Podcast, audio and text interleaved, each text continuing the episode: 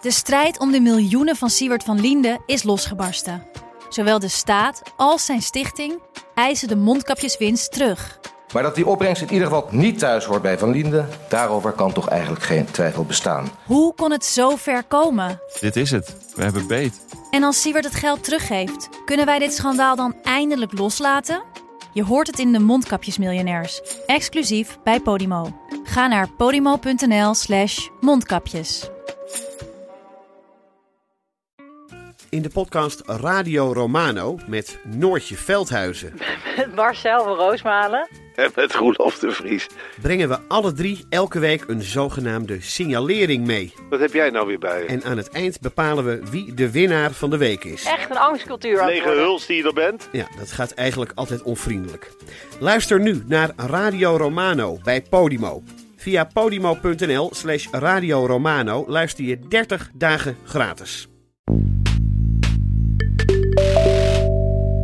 Today, I'm announcing the House of Representatives moving forward with an official impeachment inquiry. The actions taken to date by the President have seriously violated the Constitution. The President must be held accountable. No one is above the law. Dit is Betrouwbare Bronnen met Jaap Jansen.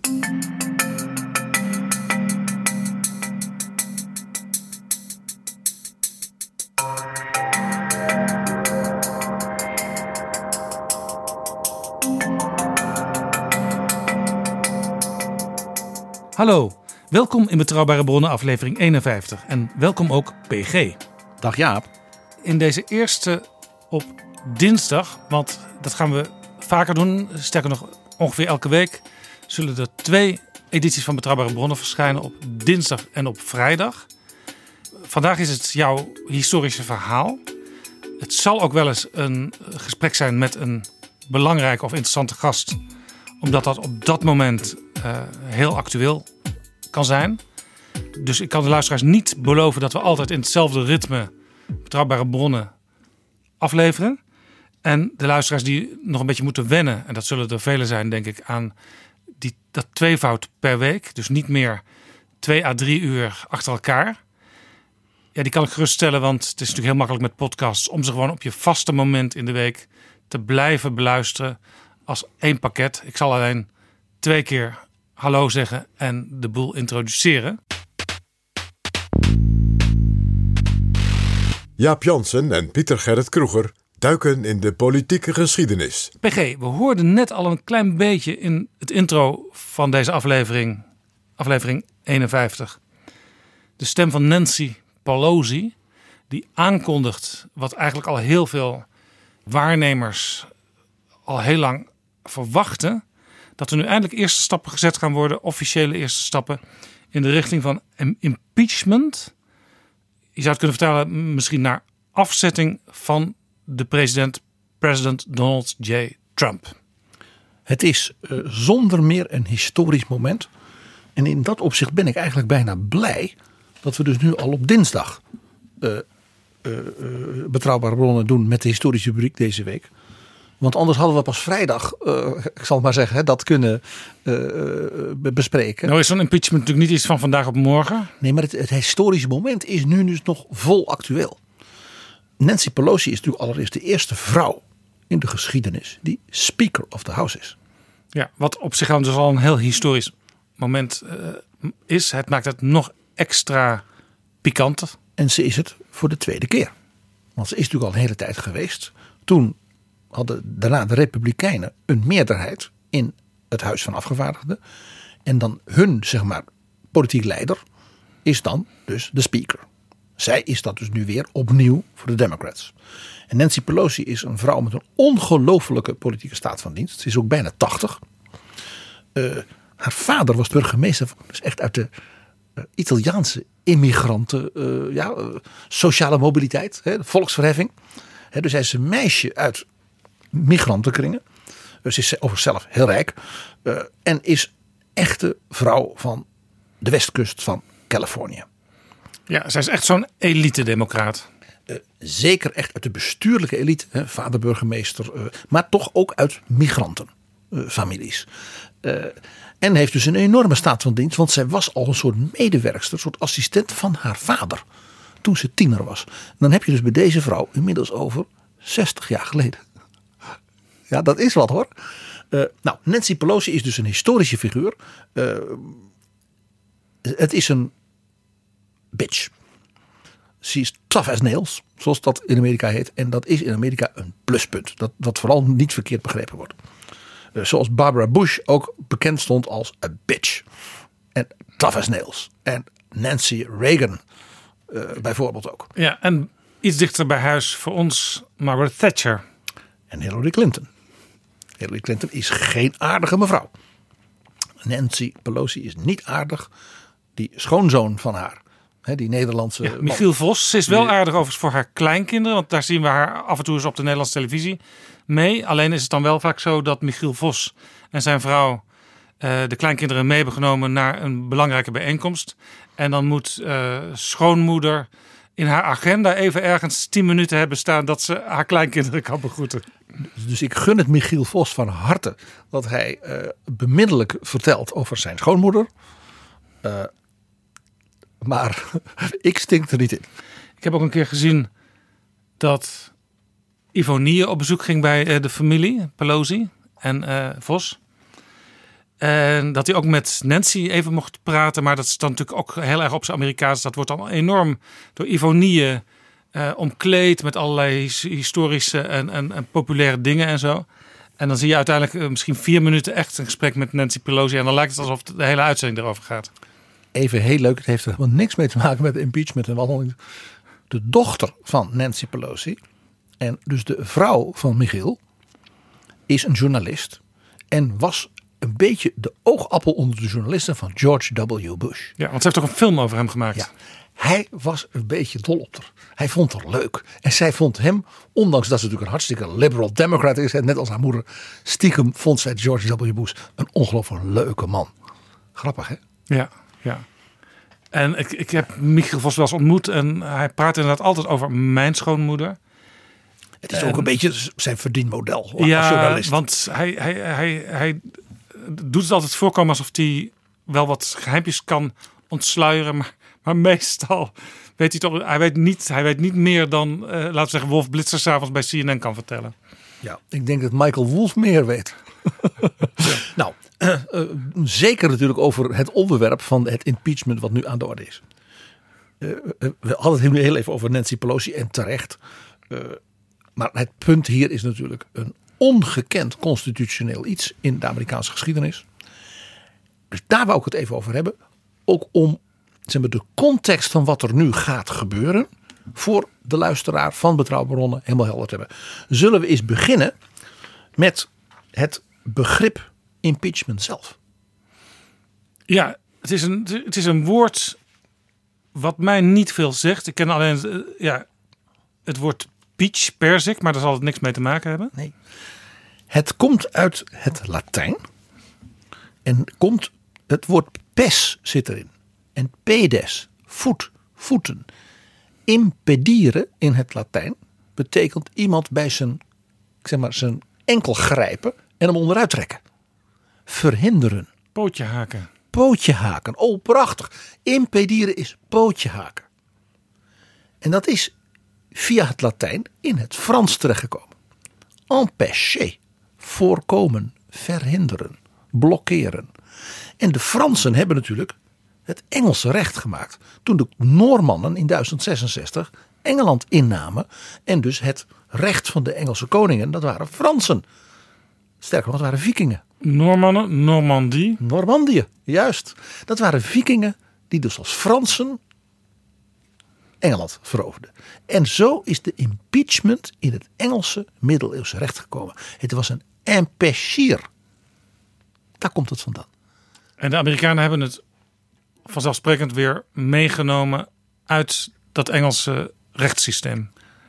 Nou ja, hoezo vanzelfsprekend? Je hebt gelijk, maar niet Nou vanzelfsprekend. ja, vanzelfsprekend omdat natuurlijk eh, de Britten zijn heel dominant geweest in de stichting en de opbouw van het eerste deel van de geschiedenis van de Verenigde Staten. Zo is dat. Maar de Amerikanen wilden los van het Britse rechtssysteem. Los van die koning George III. Ze wilden hun eigen republiek. Hè, met 13 staten en een president. Ja, maar meestal neem je wel de, de elementen mee die er, van, van het systeem wat er al was. Ook al wil je niet meer de oude bazen daarboven hebben staan. De Amerikanen hebben dus elk van die 13 staten en de Union hebben natuurlijk nadat ze gewonnen hadden, of in opstand kwamen zelfs, Ja. hun eigen grondwet gemaakt. En dat was geen Britse grondwet, dat was een verlicht, liberaal, eh, Montesquieu. eh, eh, ja, dus de Franse denkers beïnvloeden de grondwet. En het interessante is, bij het maken van die grondwet in 1787, voorgezeten de commissie door George Washington, de generaal die de oorlog van de Britten had gewonnen, hebben ze gezegd: wat moeten wij nou doen? Wij gaan natuurlijk een ideale grondwet maken, democratisch, getrapte verkiezingen, tot alleen de allerverstandigste en edele mensen, ja, senator worden en gouverneur en president. Maar ja, ze waren natuurlijk ook opgericht door de Puritans, de protestanten uit de Nederlanden en Schotland en Engeland. Zij wisten dat ook als alles heel edel is en goed bedoeld, de mens van nature slecht is. Dus wat doe je nou als je een af wil van een president, een vicepresident, een rechter, een gouverneur? En toen hebben ze er teruggegrepen op dat dus niet zeer verlichte, niet moderne idee uit de Britse common law van de Noormannen. Dat is toch geweldig hè? Impeachment. Er staat dus in de grondwet van Amerika dat de president, de vicepresident en all civil offices of the United States. Dus dat gaat om federale banen. Dus niet de burgemeester van Atlanta. Dat moeten ze maar zelf regelen. Maar de federale posities. Rechters dus. En dergelijke. Ja, de, leid- de leidende rollen in de Nationaal. federale staat. Nationaal, precies. Dat die dus voor treason, bribery and other high crimes or misdemeanors dus kunnen worden Ja, dus afgezet. eh, bedrog. Nee, landverraad. Treason is landverraad. Omkoping. En andere hoge, dus hoge, zware, zou je zeggen, misdaden en wangedrag. Misdemeanor. Prachtig demeanor, hè, dus gedrag en misdemeanor, wangedrag.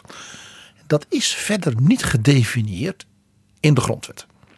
Heel verstandig, want je moet in de grondwet geen casuïstiek doen. Wat we vorige week ook al bespraken toen we het over de vrijheid van onderwijs hadden in Nederland. Zo is dat. Als ik je nou vertel, heel kort dingetje. Weet je wie een groot bewonderaar was van de Constitution van 1787? En daar heel dik over geschreven heeft. Alexander de Safranin Lohman. Die kende die Constitution van Amerika uit zijn hoofd. Die zei, zo hoort het. Ja. Alexander de Savanin Lohman, de leider later van de Christelijk Historische Unie. En de maker met Troelstra van de vrijheid van onderwijs. Je ziet dus zijn denken over vrijheid was dus diep geïnspireerd door de Ja. Constitution of Philadelphia 1787. En opmerkelijk iemand waar- waarvan je toch zou kunnen zeggen het is een conservatief, maar die toch eh, moderniseringen bracht. Safran Loom was in dat opzicht dus helemaal niet conservatief. Zoals een goed CHU-man en een goed christendemocraat nooit een echte conservatief kan zijn. Hoewel sommige christendemocraten daar anders over denken. Ja, en die vinden mij dan ook altijd op hun pad. Ja. Pieter Heerma zegt de C staat wat mij betreft ook voor conservatief. Dan heeft hij er dus niets van begrepen, zegt PG Kroeger, de partijhistoricus. Moeten we daar dan ook eh, een CDA-aflevering aan wijden? En dat soort misverstanden. Nou, wij gaan binnenkort het een keer hebben over Alexis de Tocqueville. Die natuurlijk alles met Amerika hè, en dit onderwerp van doen heeft.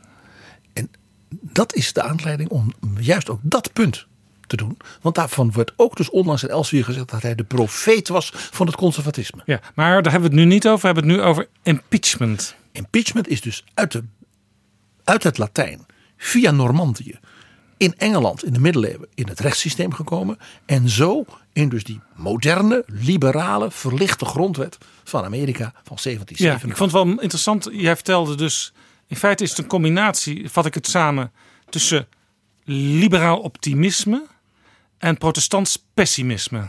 Het is een Calvinistische grondwet. Want die zegt je moet mensen de ruimte geven en je moet argwanend zijn. Ja. Toen die grondwet klaar was, was natuurlijk dit punt van eh, de president en dergelijke, hè, die dus dan die grote bevoegdheden kreeg. En dat op, die opperrechters. En toen zei men, ja, toen is dus aan een van de founding fathers, die was toen 80, Benjamin Franklin, de bekende uitvinder en diplomaat. Die werd toen gevraagd, als we nou kijken naar dit staatsbestel. Met een president helemaal bovenin. Een oppergerecht, die ook voor het leven benoemd, dus onaantastbaar was het idee. Toen vroeg dus een kritische beschouwer aan Franklin, maar wat hebben we nu? Is dit nou toch een monarchie of een republiek?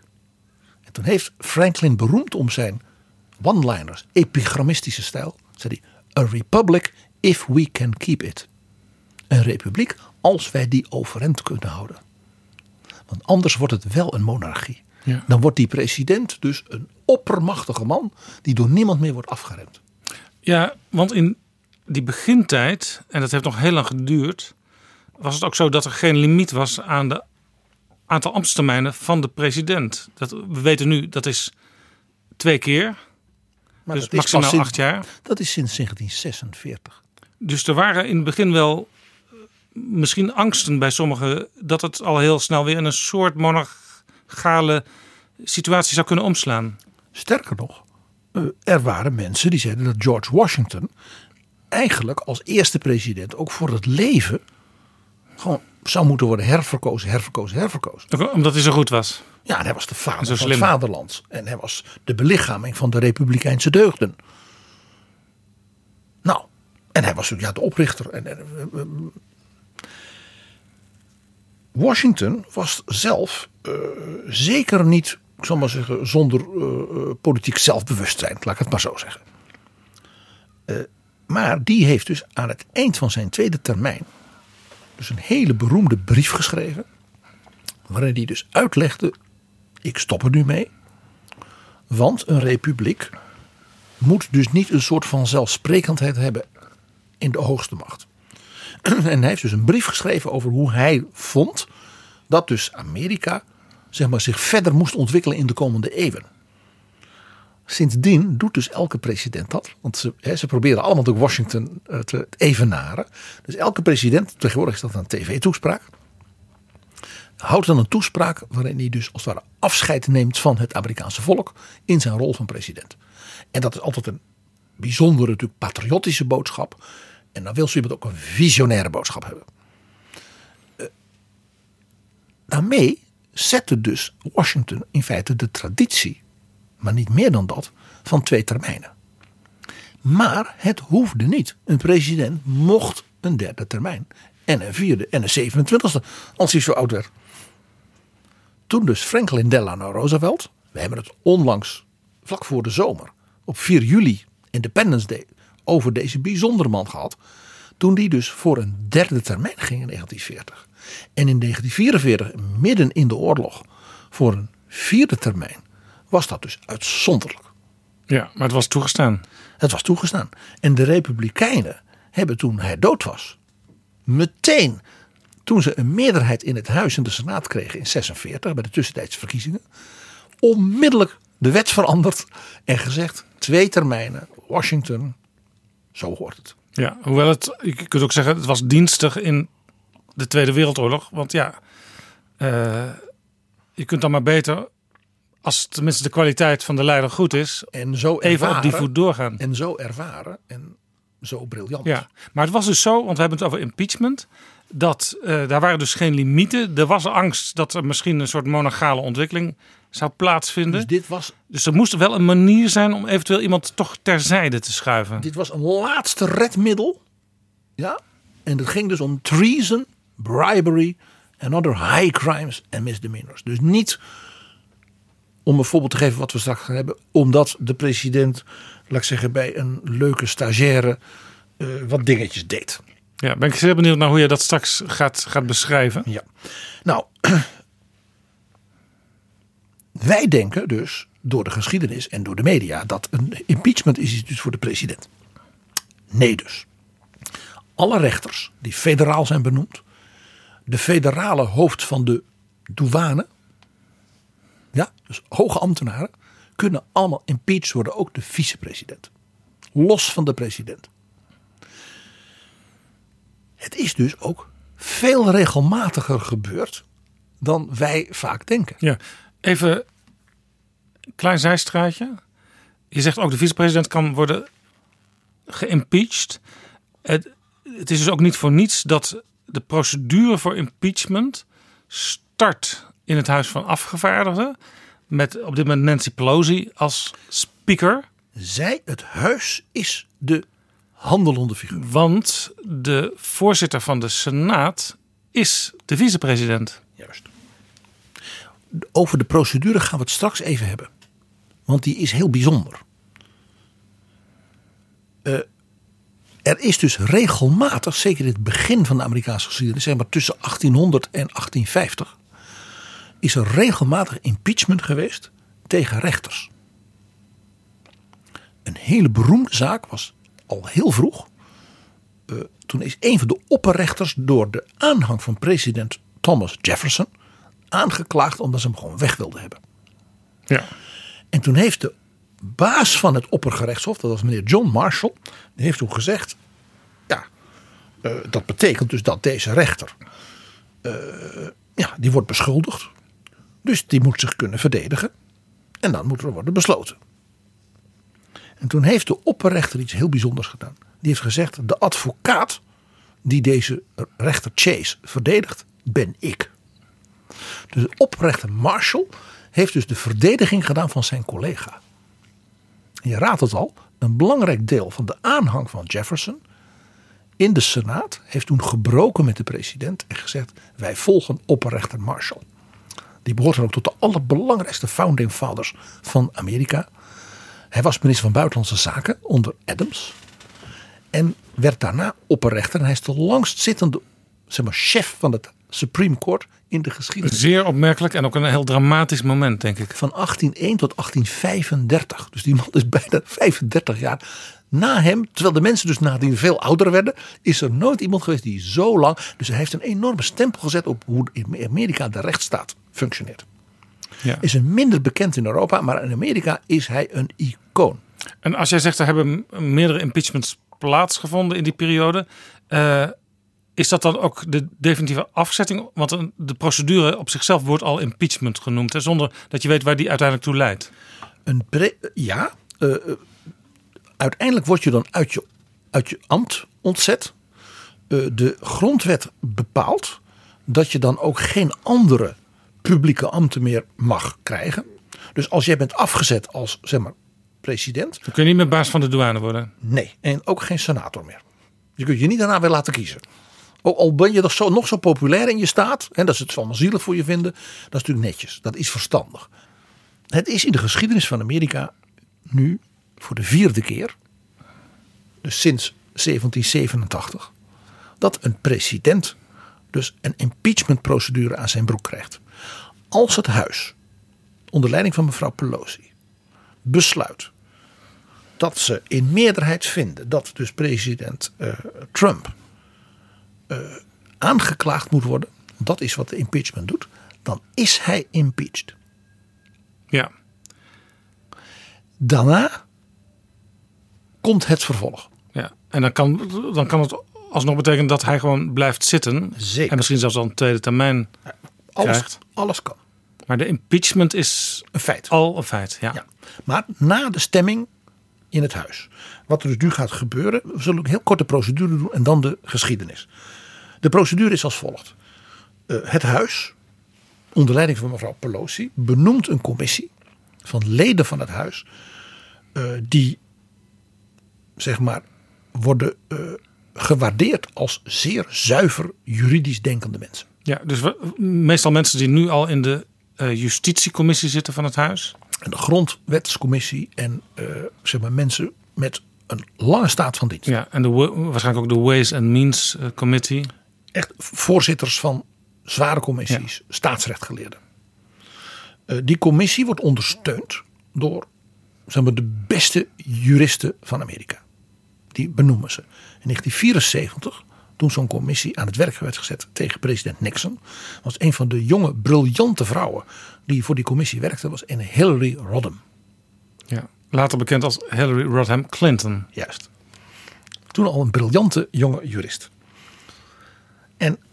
Dus die, die commissie met zijn ondersteuners gaat dan uh, ja, eigenlijk een soort, een soort hoorzittingachtige vergadering. Waarin ze gezamenlijk aan de hand van de bewijsstukken, hè, die dus die staf voorbereidt, uh, een verklaring opstellen. En die heet de Articles of Impeachment. Dus dat is een juridisch document.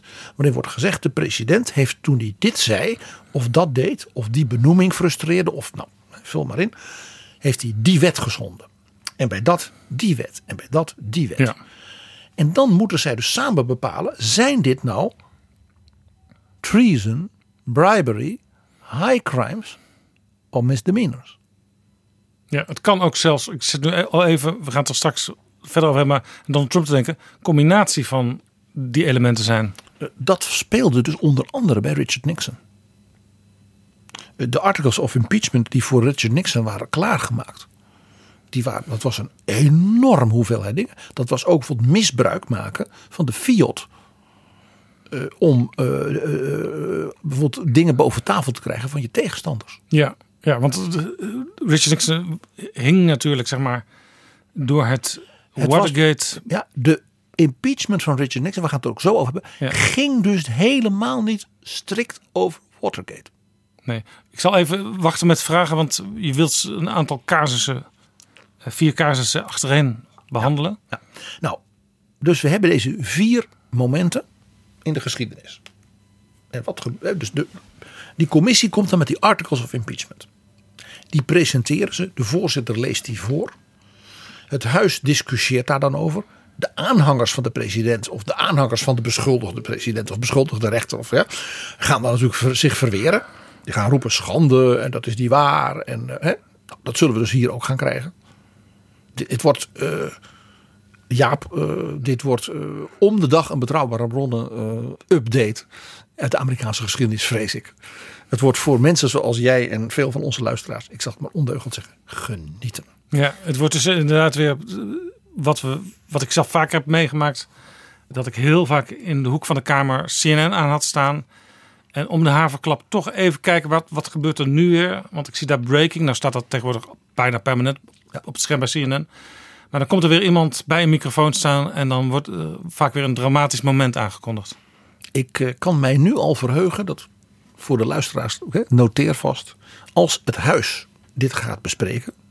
Die articles of impeachment, als die er komen. Als die er komen. Hè, dan komt er een toespraak van John Lewis. Lid van het huis. De vriend van Martin Luther King. Een bejaarde zwarte civil rights leider. En dat is zeg maar, het morele baken van het congres. En die zal in gospeltoon, je begrijpt wat ik bedoel, dan spreken. En je weet nu al, die toespraak, dat wordt de toespraak van zijn leven. John Lewis sprak in 1963 bij de Mars op Washington, waar de grote toespraak I Have a Dream van Martin Luther King werd gehouden, namens de studenten. En 50 jaar later, op 28 augustus 2013, sprak John Lewis opnieuw bij de 50ste verjaardag van die Mars op Washington, waar ook Barack Obama sprak. Ik zou bijna zeggen, Jaap, laten we daar een klein stukje van horen. Dan hoor je John Lewis op zijn best. We luisteren. Martin Luther King Jr. taught us the way of peace, the way of love, the way of nonviolence. He taught us to have the power to forgive, the capacity to be reconciled. He taught us to stand up, to speak up, to speak out, to find a way to get in the way. 50 years later, we can ride anywhere we want to ride. We can stay where we want to stay. Those signs that said white and color are gone. We did go to jail, but we got a Civil Rights Act. We got a Voting Rights Act. We got a Fair Housing Act. But we must continue to push. We must continue to work. As the late A. Randolph said, the organizer of the march in 1963, And the dean of the civil rights movement once said, We may have come here on different ships, but we all are in the same boat now. So it doesn't matter whether we're black or white, Latino, Latinos, Asian American, or Native American, whether we are gay or straight, we are one people, we are one family, we all live in the same house, not just the American house, but the world house. And when we finally accept these truths, then we will be able to fulfill Dr. King's dream to build a beloved community, a nation, and a world at peace with itself. Thank you very much. We gaan dus krijgen een episch zeg maar, kamerdebat in Amerika over de articles of impeachment. Ik gok, maar even, dat Nancy Pelosi heeft haar schaapjes geteld. Want ze heeft niet voor niks gewacht. Zij weet dus dat ze een duidelijke meerderheid heeft. Ja, ja want eh, er is heel vaak gespeculeerd. Er gaat waarschijnlijk nu de komende week iets gebeuren. En dan gebeurde er niks. Na het Mueller-report geen impeachment. Want je kunt natuurlijk niet dieper vallen als uh, politieke groep die de uh, president wil afzetten. Als er dan vervolgens niks gebeurt. En dan kun je ook he heel lang niks meer doen. Uh, je, maakt, ben je afgegaan. Je maakt president Trump onaantastbaar. En herkiest hem min of meer meteen. Als je dus een impeachmentprocedure zou beginnen. En je krijgt geen meerderheid in het huis. Ja, ik wil even een heel klein zijstapje maken naar de motie van wantrouwen in Nederland. Want die wordt tegenwoordig om de twee weken ingediend in de Tweede Kamer door partijen als PVV, SP, Vorm voor Democratie. Denk. En ook bij zo'n motie vind ik eigenlijk dat je die pas kunt indienen, dat je pas mag indienen als je een effectief politicus wil zijn. Als je het idee hebt dat de kans wel heel groot is dat hij een meerderheid haalt. Dus eigenlijk kun je zo'n motie maar eens per kabinetsperiode, of misschien niet eens per kabinetsperiode indienen. Het is een mes dat onmiddellijk bot is als je het verkeerd gebruikt. Daar zijn we het dus helemaal over eens. Ja. ja. Ik vond eh, de motie van wantrouwen in 2009 van oppositieleider Rutte. Mark Rutte. Tegen premier Balkenende om die reden ook buitengewoon onverstandig. Hoewel Uri Rosenthal in zijn memoires onderstreept dat dit eigenlijk het moment was dat Mark Rutte echt tot kandidaat premier maakte. Ja, dat heeft Uri Rosenthal uitgebreid uitgelegd in betrouwbare bronnen al een tijd geleden. Ik was daarbij bij dat moment dat Rutte die, die, die motie indiende. En ik zag toen dat partijen die toch redelijk dicht bij die oppositionele Rutte stonden, bijvoorbeeld D66 van Alexander Pechtold toen, niet meestemden met die motie. En ook GroenLinks niet. En ook GroenLinks niet. En de SP en de PVV steunden die motie wel. En de SP op het laatste moment pas, en dat was de grote angst van Rutte, dat als de SP zeg maar, met de linkerzijde niet mee zou gaan, dat hij dus alleen met Wilders en dan was hij afgegaan in zijn beleving. Ja, en het is inderdaad zo. Ik denk dat ik in die redenering van Uri Roostel wel mee kan gaan dat dit een keerpunt was. Een positief keerpunt in de opkomst van Rutte, die uiteindelijk tot in het torentje leidde. Maar ik ben het, ja, we hebben het al gezegd, ik ben het met je eens. Zo'n motie van wantrouwen moet je eigenlijk bewaren. Dat is een soort heilig moment. Nou, hij, je zou het anders kunnen zeggen. Hij heeft die malle moties van wantrouwen, die er nu al doorkomen, over zichzelf afgeroepen door het zelf een keer te doen. Ja, dat is wel heel erg. Dat is hard, hè? Zo over nadenkt. Dat is heel hard wat ja. ik nu zeg. Ja. En ik ben meestal, dat weet jij, over Mark Rutte uh, altijd uh, uh, positief. Ik vind het een, een, een, vooral ook een hele bijzonder fijn mens. Ja. Maar, maar dit is een ja. ding, ja, zoals elke politicus ding heeft, waar je zegt van ja, dat apprecieer ik niet. Daar ben ik ook heel eerlijk in. Dit vind ik dus geen goed moment. En als je dus politiek beschouwt als een ambacht, als wat Bas de Fortman wel eens heeft genoemd de kunst van het ivoor draaien, dan moet je die motie van wantrouwen, die conceptmotie, in de kluis hebben liggen, maar met een dik slot erop, met een code. En pas bij een heel bijzonder moment moet je die eruit halen. Ja. En Nancy Pelosi, met haar enorme ervaring, hè, ze is 78 geloof ik. 79. En dus al vanaf haar tienertijd hè, dus al zeg maar dik 60 jaar toppolitiek, heeft dus zich gedragen zoals jij en ik waarderen. En nu komt ze en nu kwam ze ook. En zij citeerde in haar korte speech wat ik net zei van Benjamin Franklin. Dan zei ze toen Franklin vader werd gevraagd: is dit een monarchie of een republiek met een president? A republic if you can keep it. En dat vond ik buitengewoon. Eigenlijk, dat citeerde. Eigenlijk spreekt Nancy Pelosi hier over de republiek als een teer vaasje. Ja, ook. If you can keep it. Inderdaad. On the final day of the Constitutional Convention in 1787, when our Constitution was adopted, Americans gathered on the steps of Independence Hall to wait the news of the government our founders had crafted. They asked Benjamin Franklin, What do we have, a republic or a monarchy? Franklin replied, A republic if you can keep it. Our responsibility is to keep it.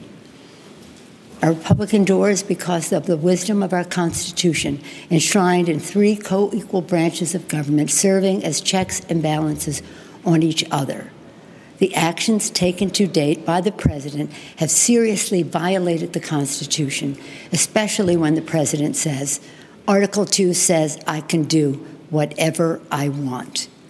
For the past several months, we have been investigating in our committees and litigating in the courts so the House can gather all the relevant facts and consider whether to exercise its full Article 1 powers, including a constitutional power of the utmost gravity approval of articles of impeachment. And this week, the President has admitted to asking the President of Ukraine to take actions which would benefit him politically. The, action of the, the actions of the Trump presidency revealed dishonorable fact of the President's betrayal of his oath of office, betrayal of our national security, and betrayal of the integrity of our elections. Therefore, today, I'm announcing the House of Representatives moving forward with an official impeachment inquiry. I'm directing our six committees to proceed with their investigations under that umbrella of impeachment inquiry. The president must be held accountable. No one is above the law. Getting back to our founders, in the darkest days of the American Revolution, Thomas Paine wrote, The times have found us. The times found them to fight for and establish our democracy. The times have found us today, not to place ourselves in the same category of greatness as our founders, but to place us in the urgency of protecting and defending our Constitution from all enemies, foreign and domestic. In the words of Ben Franklin, to keep our republic. En zij voelt zich dus verantwoordelijk ook voor de Amerikaanse geschiedenis. Ja, want zij staat, bestel. zij staat in rechte lijn in die geschiedenis. En zij moet de hoogste tradities hoog houden. Precies, dus je doet dit niet dan nadat je meer dan zeker bent. Het kan nooit een gok zijn. Dat is onverantwoord. En het blijft natuurlijk politiek. Dus de Democraten, ja, throw him out. Maar je staat in die geschiedenis, in die traditie. En je doet het in het belang van de Republiek, van de Unie. En ik weet zeker dat een van de redenen voor mevrouw Pelosi om het nu te doen. is dat ze niet alleen haar hele democratische fractie achter zich had. dus ook democraten in kiesdistricten van staten waar Trump won. die staan natuurlijk enorm onder druk. Maar ook dat zij het vermoeden heeft, en misschien wel heel impliciet zelfs toezeggingen. van gezaghebbende republikeinen in het huis. die zeggen: als u een overtuigende case maakt met de articles of impeachment, zal ik strikt constitutioneel handelen en niet partijpolitiek. Ja. Dus als er een paar republikeinen, het hoeft er maar een paar te zijn. En ik eh, kan er zo een paar noemen, want er een heel stel, meer dan 40 hebben al aangekondigd dat ze in 2020 niet herkiesbaar zijn. Onder die 40 zitten er misschien wel 20 die dat impeachment zullen steunen. Ja. Die zijn toch niet herkiesbaar. En die kunnen zonder last die beslissing nemen. En dan breekt de dam. zoals dat heet. Zoals we, het is een heel ander, ander onderwerp natuurlijk, maar zoals we bij het Brexit-debat in het Lagerhuis ook zien, dat een aantal uh, partijgenoten van premier Boris Johnson principieel een standpunt innemen waar, waar, waar, wat er zelfs toe leidt dat ze uit hun partij worden gerooieerd. Maar zij zeggen, ja, dit is mijn principiële standpunt over deze zeer principiële kwestie, de Brexit. Nancy Pelosi is op zoek gegaan naar een Kenneth Clark en een Dominic Grief in de Republikeinse fractie. Ja. En ik denk dat ze die We weten nu heeft. nog niet wie dat zijn, maar dat zullen we waarschijnlijk gaan merken binnenkort. Ik tip de naam Justin Amash. Onthoud die naam. Justin Amash uit de staat Michigan. Hij heeft aangekondigd zich niet meer herkiesbaar te willen stellen en overweegt zelfs om tegen president Trump in de primaries te gaan. He has nothing to lose. And everything to win. Nou, er komt dus een meerderheid in het huis onder leiding van mevrouw Pelosi met misschien wel eens verrassend aantal republikeinen die meestemmen. Dan is de president impeached. Want dat is het impeachment. Maar hij is niet afgezet. Nee. Want dan gebeurt er iets heel bijzonders. En dat is in de Amerikaanse geschiedenis dus nu twee keer gebeurd. Dan gaat de commissie van het Huis van Afgevaardigden. Die dus die articles of impeachment heeft opgesteld en verdedigd. En die zijn dus aangenomen. Die gaan dan in een officiële optocht. Dat is allemaal heel eh, staatsrechtelijk en heel officieel. Lopen ze van het huis naar de Senaat. En brengen dan bij de Senaat de articles of impeachment. En vragen de Senaat dan of deze bereid is op te treden als gerechtshof. Ja. Ook hier zien we weer de, de Britse invloed op het systeem, want ook daar heb je dit soort rituelen. Ja, de Lords en de Commons. Dit is natuurlijk pikant, want de voorzitter van de Senaat is natuurlijk de vicepresident. Dus ga ervan uit dat die er dan niet is. In dit geval Mike Pence. Ja, dat Pence er dan niet is. En dat er een, zo, zoals dat heet, een president pro temp. Ja, dat is prachtig. Om, omdat, Pence, omdat je dit eigenlijk Pence niet kan, kan aandoen. Exact. Dat is de president pro temp. Dat is dan een senator, dus de invalvoorzitter voor een bepaalde periode, omdat de vicepresident niet kan, dat die dat in ontvangst neemt. En die zal dan zeggen: Ik zal de Senaat verwittigen. Het is dan gebruik dat de Senaat niet zegt: Nou, we moeten erover nadenken. Alles kan tegenwoordig. Eh, dan komt de Senaat bijeen in een hele bijzondere setting. De Senaat is dan niet meer een volksvertegenwoordiging. De Senaat is dan een gerechtshof. En elke senator is dus een lid van dat gerechtshof. Ook een beetje een soort jurylid.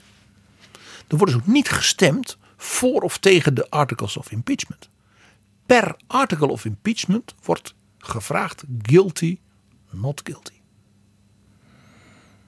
Dus als het huis zou komen met bijvoorbeeld negen articles of impeachment tegen president Trump. Dan wordt dus negen keer gestemd. Als er maar bij één een tweederde meerderheid is, is hij weg. Die vergadering, dus die rechtszaal, want het is een rechtszaak hè. Dus, dus geen vergadering meer van de Senaat voor het bespreken van onderwerpen. Ja, omdat dit zo'n bijzonder element in het Amerikaanse staatsrecht is. Ja. Die vergadering wordt dus voorgezeten niet door de vicepresident.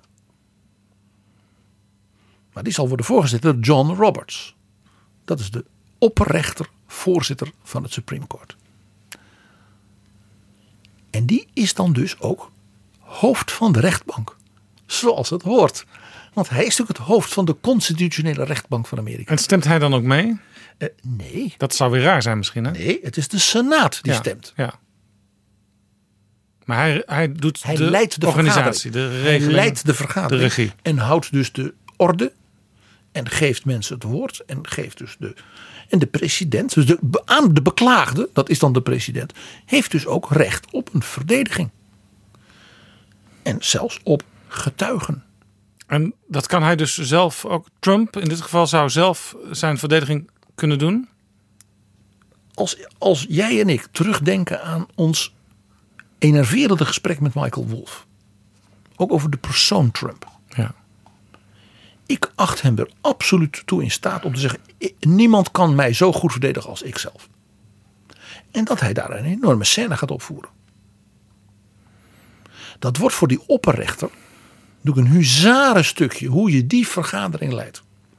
Ga maar vanuit dat hij nu al oefent met zijn brightest young assistants. En verschijnt de president, in dit geval Trump, dan in de Senaat? Jazeker. Want dat gebeurt eigenlijk nooit. Nee. Maar als beklaagde. Ja, het is opera. Dit. Bij, ik zal bij de, de, de beschrijving van de situatie dat in de geschiedenis is ook vertellen hoe dat dan gebeurde. Ik verwacht dus dat de president. eh, eh, die zal een jurist vragen om hem te verdedigen in de Senaat. En een aantal getuigen laten opkomen en wellicht ook zelf. Je moet er natuurlijk niet aan denken als dat zijn persoonlijke jurist is. Dat is Rudy Giuliani. Want Rudy Giuliani is natuurlijk eigenlijk een medebeklaagde in de, ik zal maar zeggen, Oekraïne-kwestie. Dus die zou eigenlijk mee aangeklaagd moeten worden. Dus kan dan de verdediging doen. We, dit is allemaal dus eh, Fata Morgana, onbekend land in de woestijn waar we nu in gaan rijden. Alles zal weer helemaal nieuw zijn. Staatsrechtelijk. Nou, dit is dus de procedure. Dan wordt er dus gestemd. Die stemming is guilty of not guilty. En al, al bij één article of im- impeachment. Dus- er dus- twee dus- derde van de Senaat zegt guilty. Dan moet de president nog op datzelfde moment aftreden. Dus de klagers, in dit geval eh, het Huis van Afgevaardigden, die hebben er belang bij om een lijstje te maken wat uit meerdere punten bestaat. Want dan is er meer kans dat die guilty wordt bevonden. En dat het dingen zijn van groot juridisch gewicht. Ja, het is niet zomaar iets, het moet wel echt iets voorstellen. Ja. En ook dat je ze dus dingen uit elkaar haalt. Dat je bijvoorbeeld een bepaalde kwestie zegt, dat, dat is zowel in strijd, dat is obstruction of justice, hè, dat is een- echt een high crime. Het is bribery, het is omkoping. hè. Het is eh, bijvoorbeeld het bedreigen van een, van een on- bijvoorbeeld in, in dit geval de president van Oekraïne. Ja, ja, dan kan ik bij Trump kan ik wel wat, wat voorbeelden zo al bedenken. Nou ja, we hebben natuurlijk. Ik heb een keer een verhaal gedaan over de familie Trump en de familie Agalarov uit Baku. Ja. Eh, met de Trump Tower Moskou. Azerbeidzjan. En, al, Ja. en Azerbeidzjan. Nou, daarin zat voor mij al. eh, als, ik- als voldoende. liefhebber. eh, kon- ik kon al twaalf artikels bedenken. Om het maar zo te zeggen. Hè? On- waaronder natuurlijk slechte smaak bij, bij het gaat om popliedjes. Ja, maar dat zal niet een moment van aftreden zijn, denk ik. Nee, je begrijpt wat ik bedoel. Nou, zullen we de geschiedenis even induiken. wanneer dit dus eerder is gebeurd? Ja, dat gaan we doen.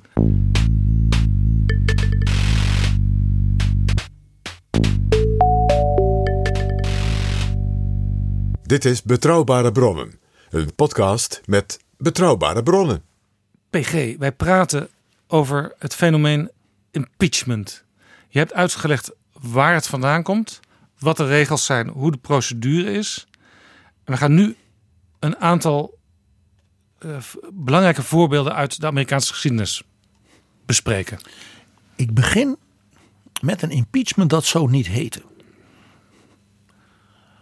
Maar dat is wel misschien het meest dramatische juridische ding in de Amerikaanse geschiedenis. Dat is het proces in de Senaat tegen de voormalige vicepresident van Jefferson. En die man heette Aaron Burr. En die had dus niet alleen in een duel de rechterhand van president Washington. Ook eigenlijk een beetje de zoon die die nooit had gehad. En een opponent politiek van Jefferson, Alexander Hamilton, doodgeschoten. Hij was ook toen hij vicepresident af was, verhuisd naar het westen. Zeg maar richting de Mississippi. En wou daar een eigen nieuwe republiek beginnen. En hij is toen aangeklaagd wegens landverraad. En in welke functie is die aangeklaagd? Als burger en voormalig vicepresident. Dus hij kon niet meer impeached worden, want hij had geen. Dat wou ik zeggen, want meer. je hebt uitgelegd dat, dat het alleen de zeer hoge functies zijn die impeached kunnen worden. En toch hebben ze gezegd, hij was vicepresident. En het is dus, hij is dus niet alleen maar een gewoon burger. Zoals Amerikanen nog altijd zeggen, Mr. President of Mr. Vice President, als iemand dat al 30 jaar geleden was. Of judge, of governor, of senator. Ronald Reagan stond erop, ook als president vond hij het mooi als hij governor werd genoemd. Ja, ik geloof ook Rudy Giuliani wordt nog steeds mayor Giuliani genoemd. Terwijl hij nu gewoon advocaat van kwaaie zaken van Trump is. Zo is dat. Senator en governor en judge en general zijn dus eretitels die Amerikanen ook als ze het bewijs daarna president worden. Eisenhower vond het prachtig als hij general werd genoemd. Wij kennen dat in Nederland niet. Dat is, ik vind dat een van de leuke dingen van de Amerikaanse traditie. Nou, dus Aaron Burr werd dus aangeklaagd wegens landsverraad. Treason, bribery enzovoort. Dus de eerste, het allerergste wat er is. Wel- welke jaar zitten we ongeveer? 1804, 1805, zoiets. En toen heeft, de naam viel al eerder, opperrechter John Marshall de rechtszaak zo geordend dat hij eerst president Jefferson dwong de briefwisseling die een rol speelde in de aanklacht te publiceren. Het was voor het eerst dat de president dus door het oppergerecht gedwongen werd zeg maar, persoonlijke politieke correspondentie te openen. En toen heeft Jefferson, de beroemde, gezegd: Ik doe dit, want ik ben een oprecht staatsburger. Ik doe dit niet als president, want als president mag ik dit blokkeren op basis van executive privilege. En die term wordt tot de dag van vandaag gebruikt om bijvoorbeeld, ook door Trump, om te zeggen: Mijn assistenten mogen niet getuigen in het Ja, ik heb Congres. Trump dit al wel eens horen zeggen. Eh, en zoals hij het uitlegde, leek het eigenlijk alsof het een soort vrijbrief is om te doen wat je wil als president. Exact. Exact. Dus dit is een. Opnieuw, hè, we zijn dus nu weer terug bij opperrechter John Marshall. Ik zei al, de vader van het op. en dus ook de, de grondlegger van de rechtsstaat. Die dus de president zover kreeg te zeggen: Ik heb executive privilege, maar ik hef die op in het belang van de rechtsstaat. Dat is een enorm precedent. Eh, een groot deel van de zeg maar, bewijsstukken tegen Aaron Burr zijn door opperrechter Marshall als niet valide verklaard. Dus als het ware, dat waren stukken die dus de rechtbank, zijnde de Senaat, helemaal niet mocht hebben. Dus dat was on, ja, dat was zeg maar niet, eh, ja, hoe noemt dat, Eh, niet toelaatbare rechtsdocumenten. Ja. En, en dat leidde ertoe dat Aaron Burr is vrijgesproken. Ja. ja, vergelijkbaar met zeg maar, eh, als je nu bij een rechtszaak eh, via afluisteren iets wil bewijzen, dan is dat meestal niet eh, ontvankelijk. Niet ontvankelijk als documenten. Precies, dat, dat woord zocht ik. Aaron Burr is er dus eindelijk bij gebrek aan bewijs vrijgesproken. En de, de auteurs over het leven en werk van John Marshall, die zeggen, daar heeft Marshall het op aangestuurd. Want die zei, als wij dus een voormalig president of vicepresident kunnen vervolgen na hun termijn, omdat we vinden dat ze dingen niet goed hebben gedaan, dan is het einde zoek. Zelfs als zo iemand eigenlijk landverraad pleegt, moet je, voor, je wees voorzichtig in je oordeel. Hoogst opmerkelijk. Dus dat was geen impeachment, maar een van de allerbelangrijkste processen in de rechtsgeschiedenis, niet alleen van Amerika, maar eigenlijk wereldwijd. Ja, nu begrijp ik ook waarom je dit voorbeeld wilde, wilde geven. Want ik dacht, dit is een, een afwijking. Dus waarom doe je dat? We willen juist het, het, het, het, het oerproces leren kennen. Maar dit gaf mede dat proces vorm. Juist. Het heeft dus toen nog heel lang geduurd voordat er eindelijk, hè, zou je bijna zeggen, een keer eens een president werd aangeklaagd. Dat was in 1868. En dat was president Andrew Johnson. Dus voor alle helderheid niet de president Johnson, Ja. Lyndon Baines Johnson. 1868, eventjes voor het beeld. Wij hadden toen net de grondwet van 1848 eh, door Thorbecke ons en anderen ons gegeven eh, aanvaard. En toen in Amerika vond de eerste echte impeachment-procedure plaats. President Andrew Johnson was een wat aparte president, laat ik het zo zeggen. Hij was gouverneur van Kentucky.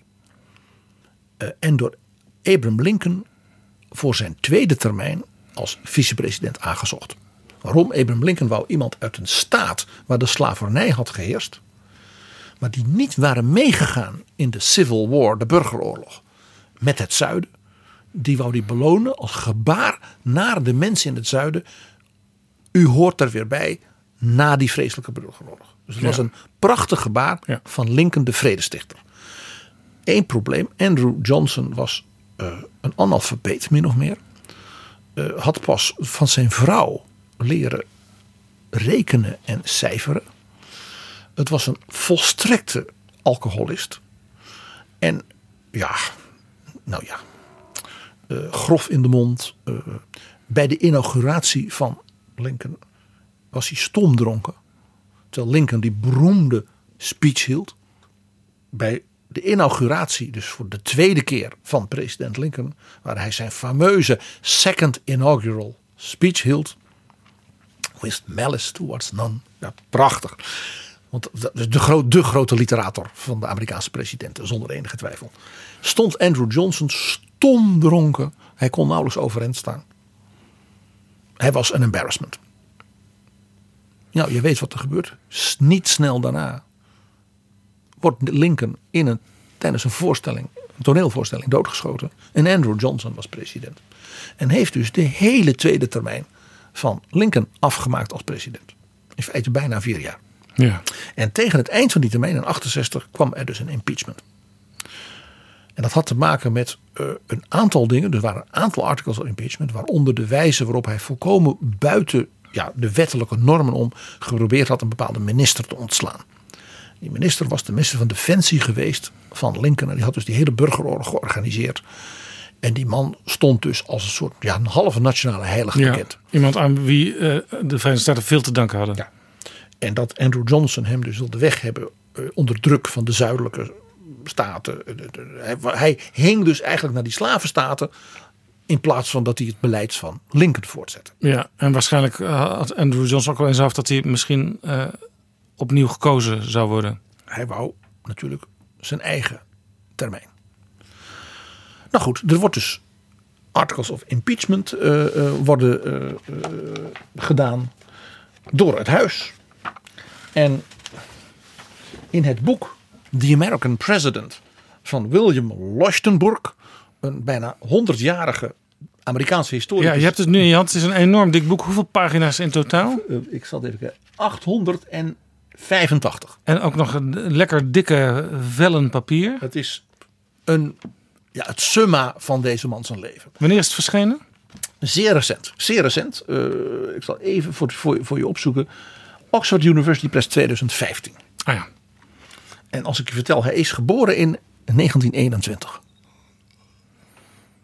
Hij is bijna 100. En eh, ik, moet je, ik heb niet gecheckt of hij nog leeft. Maar hij vertelt in het boek dat hij aan deel 2 bezig is. van dit magnum opus. Nou, hij vertelt in dat boek wat er gebeurt in 1868. Op 24 februari van dat jaar stemt het Huis van Afgevaardigden dus over de Articles of Impeachment. 126 voor, 47 tegen. Een resounding vote, zegt Leuchtenburg. En daarin staat dat Andrew Johnson, President of the United States, be impeached for high crimes and misdemeanors. Op 4 maart waren er vier, zeven republikeinse juristen uit het huis. Die gingen naar de Senaat elf artikelen van de aanklacht. Ja, behoorlijke hoeveelheid. De presentatie eh, eh, zei de belangrijkste jurist het volgende over deze president. By murder most foul did he succeed to the presidency and is the elect of an assassin to that high office and not the people. Wow. Hij is daar gekomen door moord.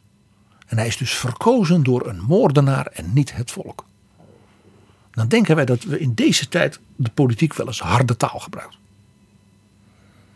Ja, maar goed, eh, je kon hem persoonlijk toch niet kwalijk nemen dat eh, Lincoln vermoord was? Nee.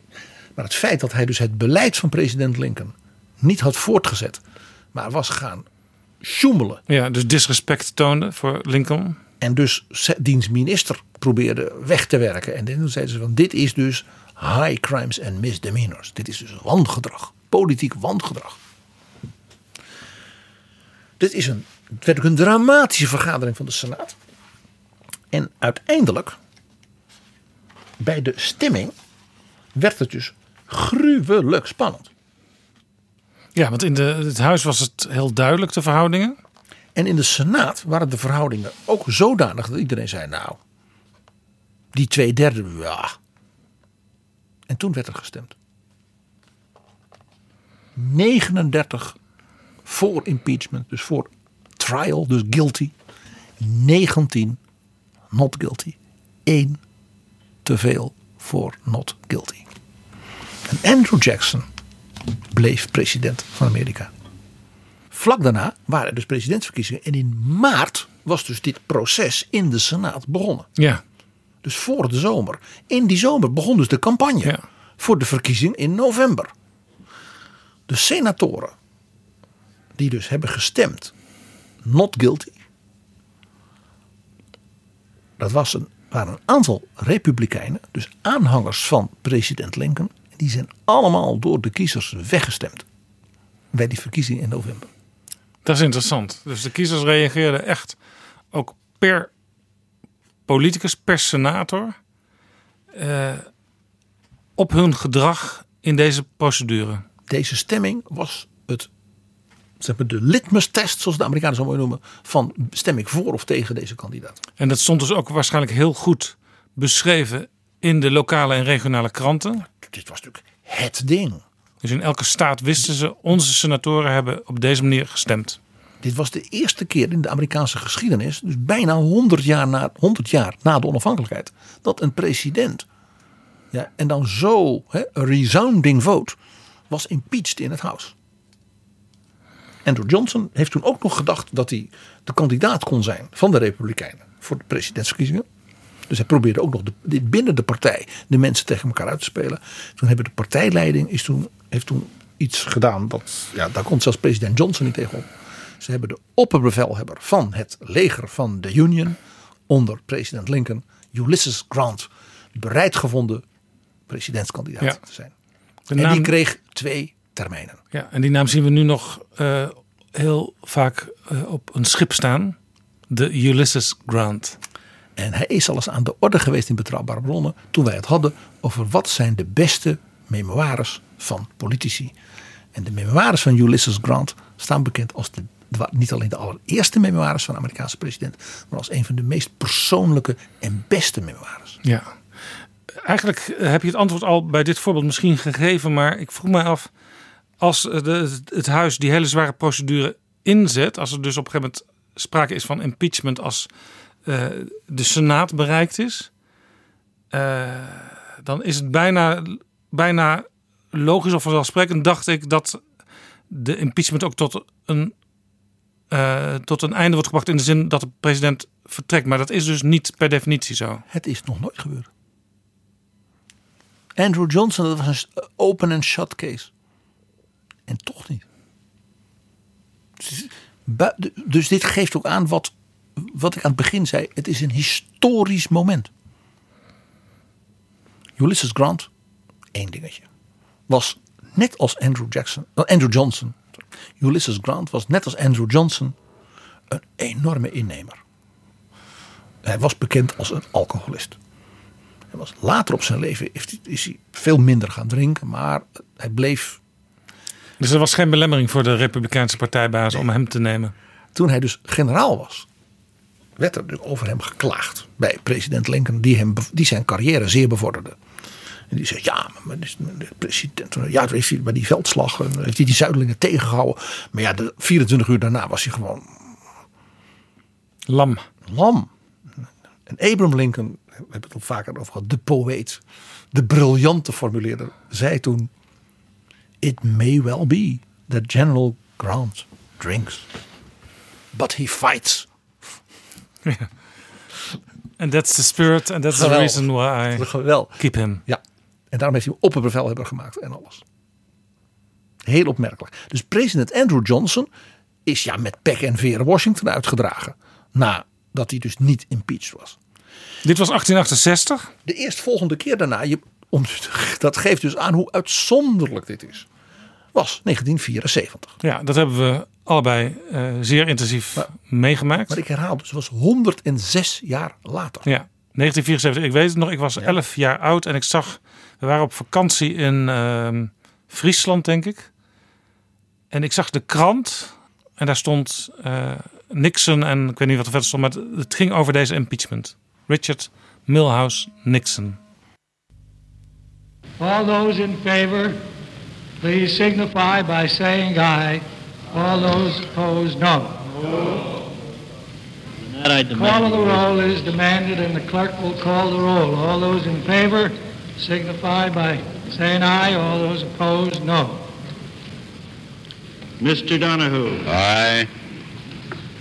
Mr. Brooks. Aye.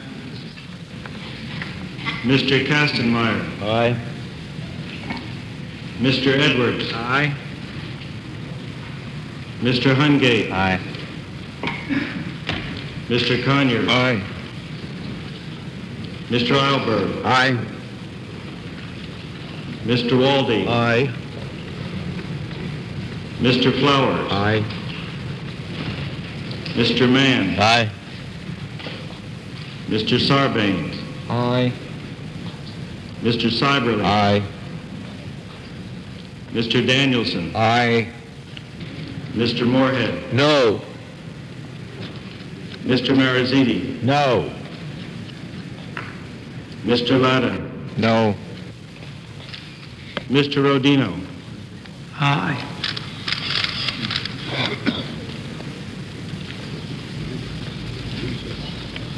The House Judiciary Committee has just approved its first article of impeachment against President Nixon. The vote 27 to 11.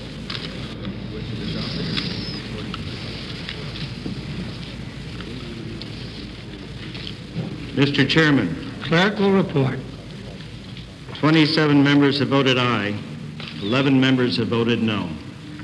And pursuant to the resolution, Article 1, that resolution is adopted and will be reported to the House.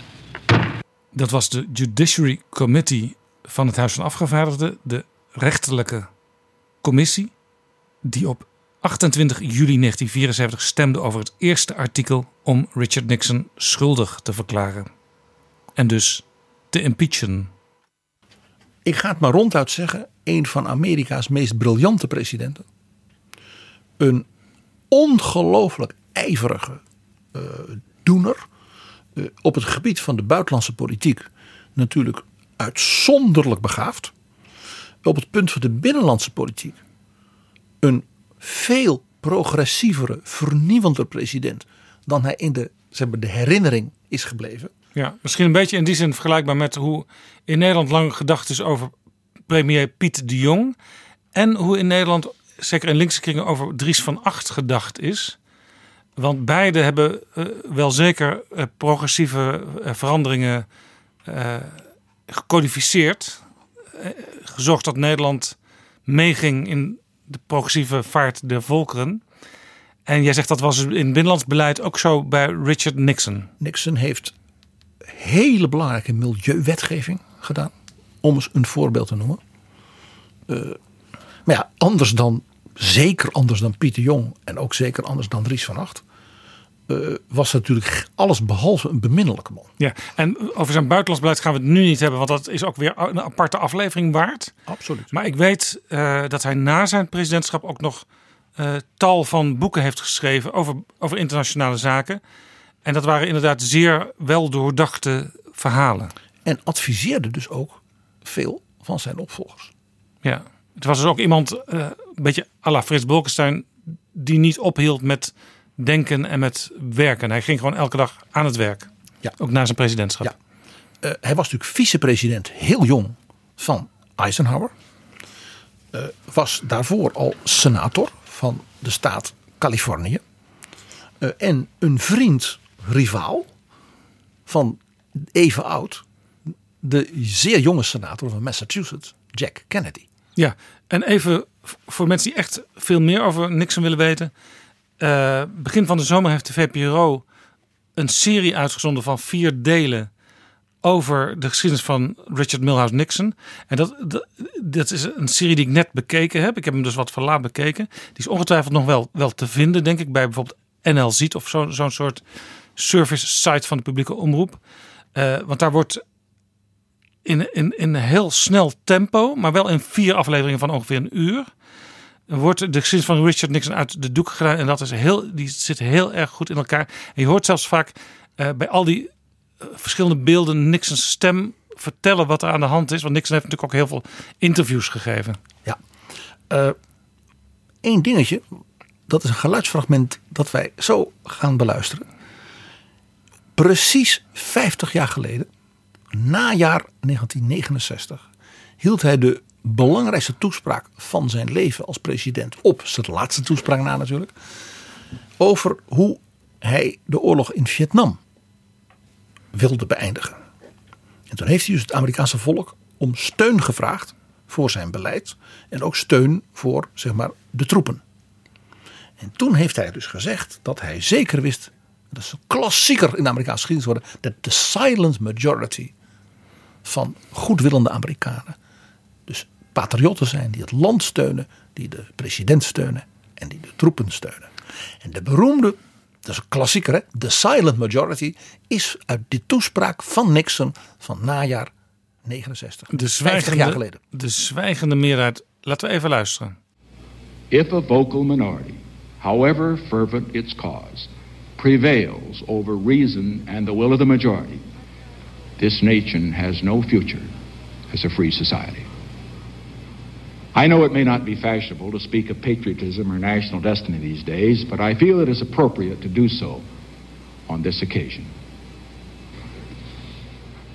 And so tonight, to you, the great silent majority of my fellow Americans, I ask for your support.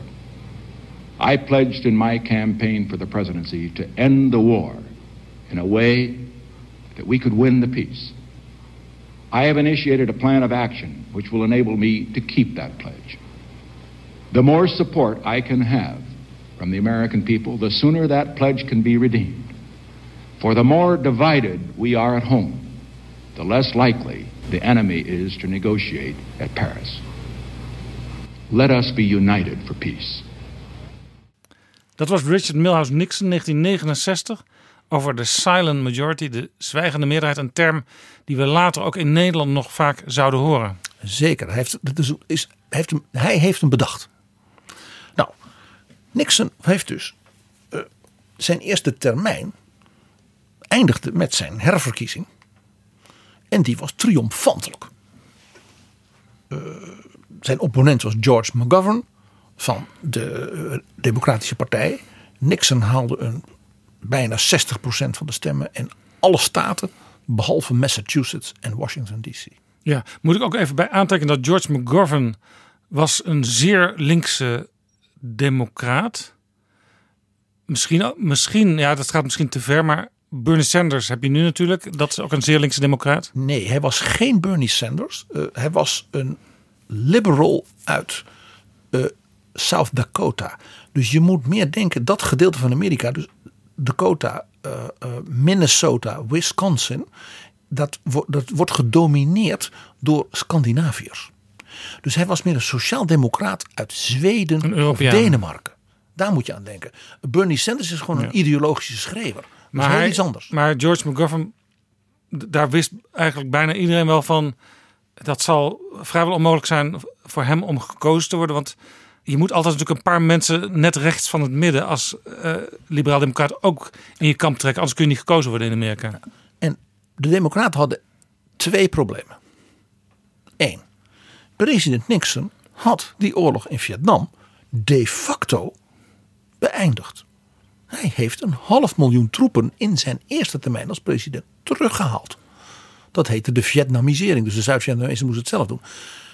Om dus de Vietna- Zuid-Vietnamezen te helpen, had je dus die verschrikkelijke bombardementen. Maar ja, ik zeg maar gewoon, de gewone Amerikaan denkt, ja, dat is dan heel vervelend voor Hanoi. Maar mijn zoon of mijn neef of mijn vriend uit school is weer terug eh, en heeft het overleefd. Ja, tie a yellow ribbon round the old oak tree. Juist. Dus Nixon kon zich dus brengen als de president van Peace with Honor.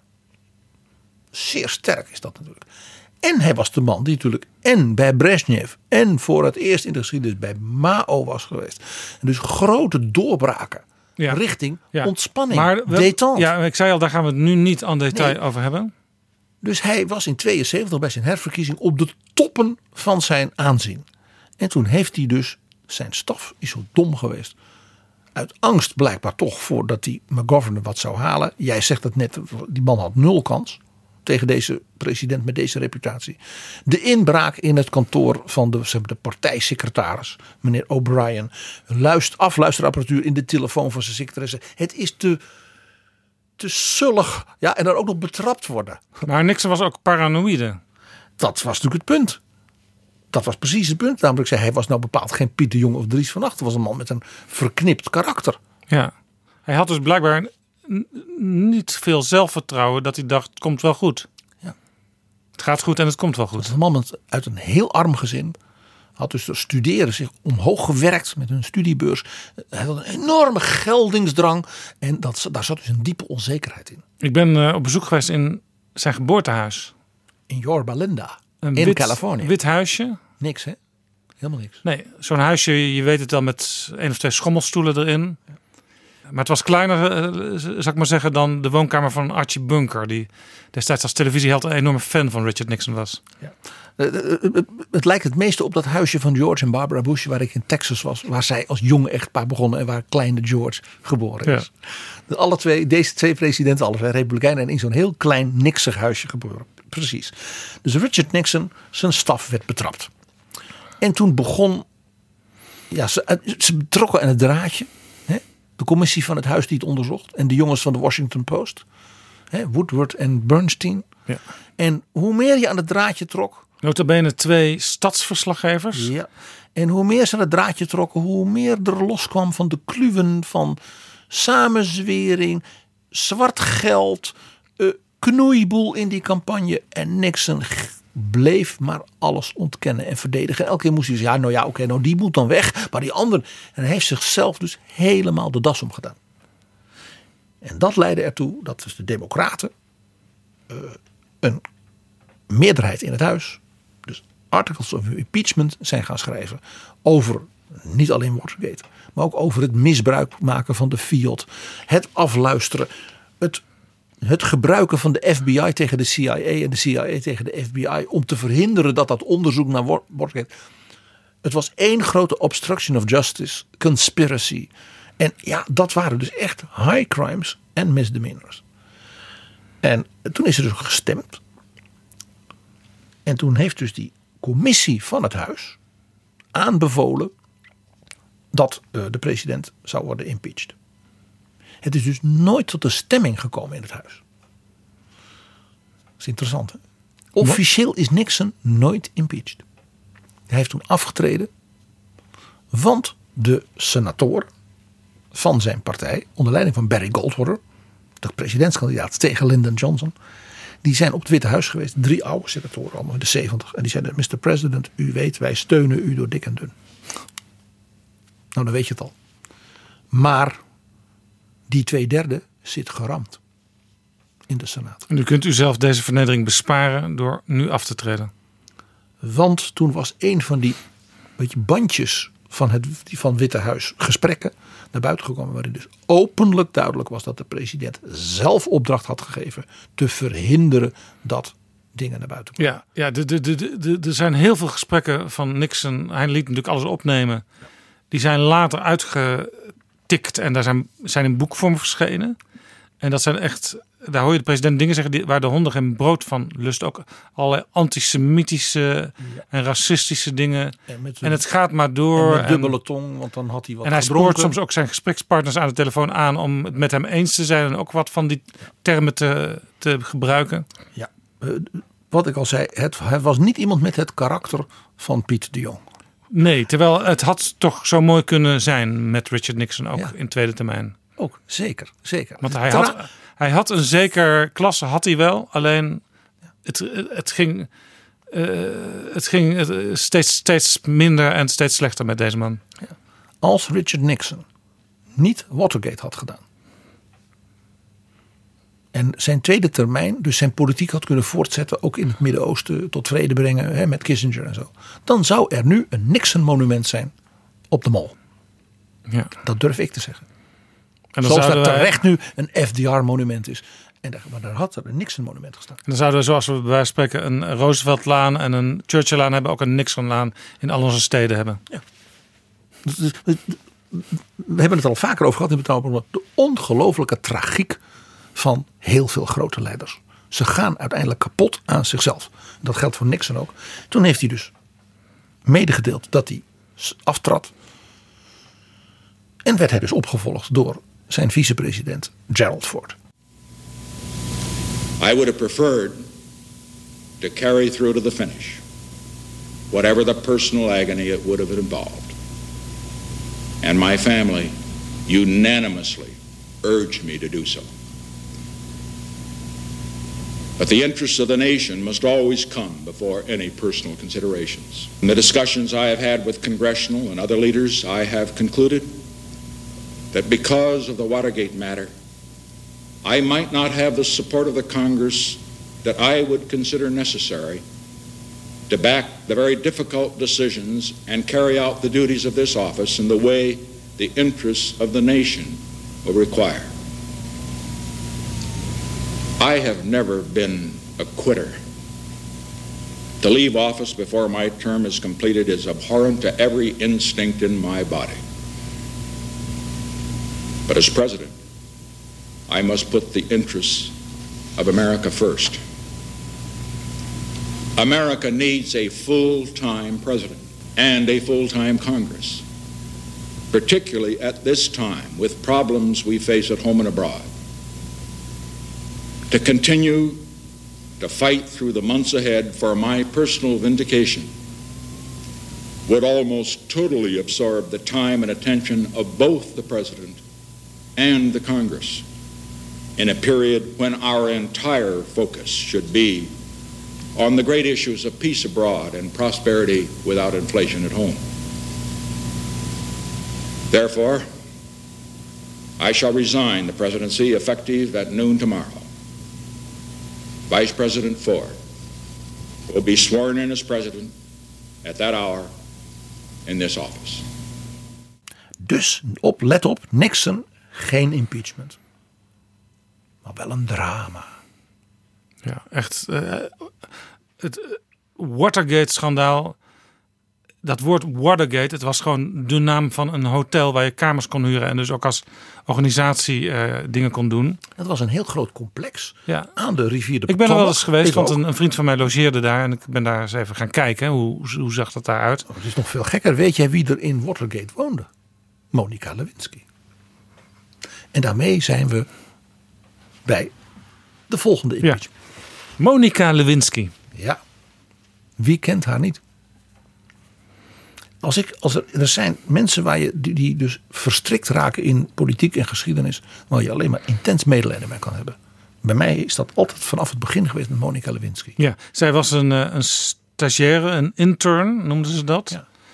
Die ja, gevoelens van verliefdheid koesterde voor de president Bill Clinton. En Bill vond het leuk. liet zich niet onbetuigd. Ja, die vond dat leuk. En die heeft van dit meisje van begin 20 gewoon misbruik gemaakt. Je zou kunnen zeggen een, een MeToo-affaire, af alle letteren. Absoluut. En, en ja, ze vond het zelf ook leuk. Kom op. Er was, er was een meisje uit Californië, de, do- de dochter van een advocaat die geld schonk aan de Democratische Partij. En daarom mocht die meid een tijdje, dat was ook heel eervol en leuk, gewoon typkracht Ja, en een hulpje. meelopen in het Ja, Witte Huis. Dat doe je niet. Ja, misschien ben ik daar ouderwets in en zo. Dat ben ik ook. Ja, dat doe je niet. En als je merkt die- dat dat meisje is verliefd, ze is 22, dan ben je een keer aardig tegen haar, maar je laat ook Ja, blijken je neemt ook afstand. dat je een zekere distantie Ja. hebt. Chic, zal ik maar zeggen. Dat doe je niet. Dus Bill Clinton, eh, verder een begaafd politicus en dit en dit, maar iemand, in zekere zin net als Richard Nixon, met een slecht karakter. Ja. En zijn tegenstanders, in de Republikeinse Partij natuurlijk vooral, die dachten: hé, hey, we hebben beet, hier kunnen we iets mee. Wat er gebeurde was dat er een heleboel onderzoeken waren naar met name het zakelijke werk van Hillary Clinton. Een, ik zei al, begaafde uiterst ondernemende advocaat. Die dus heel veel geld had verdiend als advocaat. Terwijl haar man Bill gouverneur was in Arkansas. Dan denk je al, is dat nou verstandig? Dat de vrouw van de gouverneur in Arkansas allemaal zaken doet. Ja?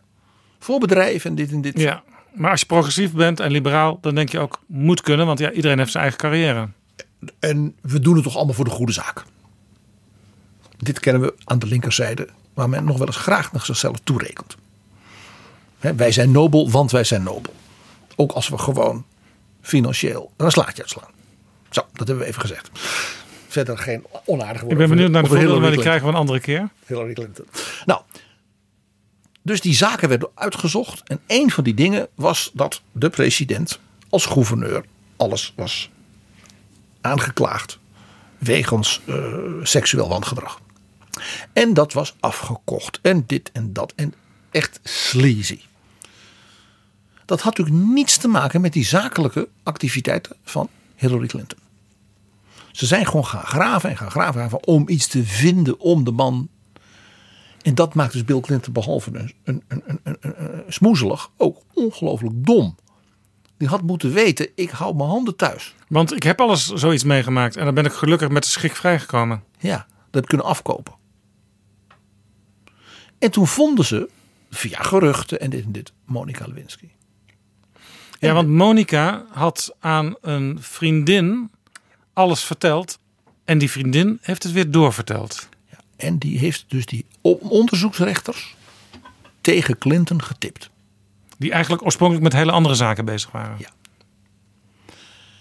En die bleek dus ook van alles opgenomen te hebben van vertel. Als dan Monica haar belde s'avonds laat en ik was bij hem en we hebben gezoend en dat nam ze op. Fijne vriendin. Uh. Het, het, het, het is zo'n afschuwelijk verhaal eigenlijk. Ja. Ik wil er eigenlijk zo snel mogelijk vanaf. Nou, uh, Laten we dan naar de procedure gaan, ja. de impeachment. Uh, dat meisje werd, kwam dus Ja. gewoon tussen de wielen. Ja? Nou, tussen werd onder druk gezet, onder Ede. De president werd onder Ede verhoord. En de president deed natuurlijk net alsof hij van niks wist. En toen kwamen ze met de bewijsstukken. Ja. Haar bekentenis. Bill Clinton zei ook het volgende. I didn't have sex with that woman, Miss Lewinsky. Tonight, Monica Lewinsky's attorneys tell us that she has told prosecutors all she knows.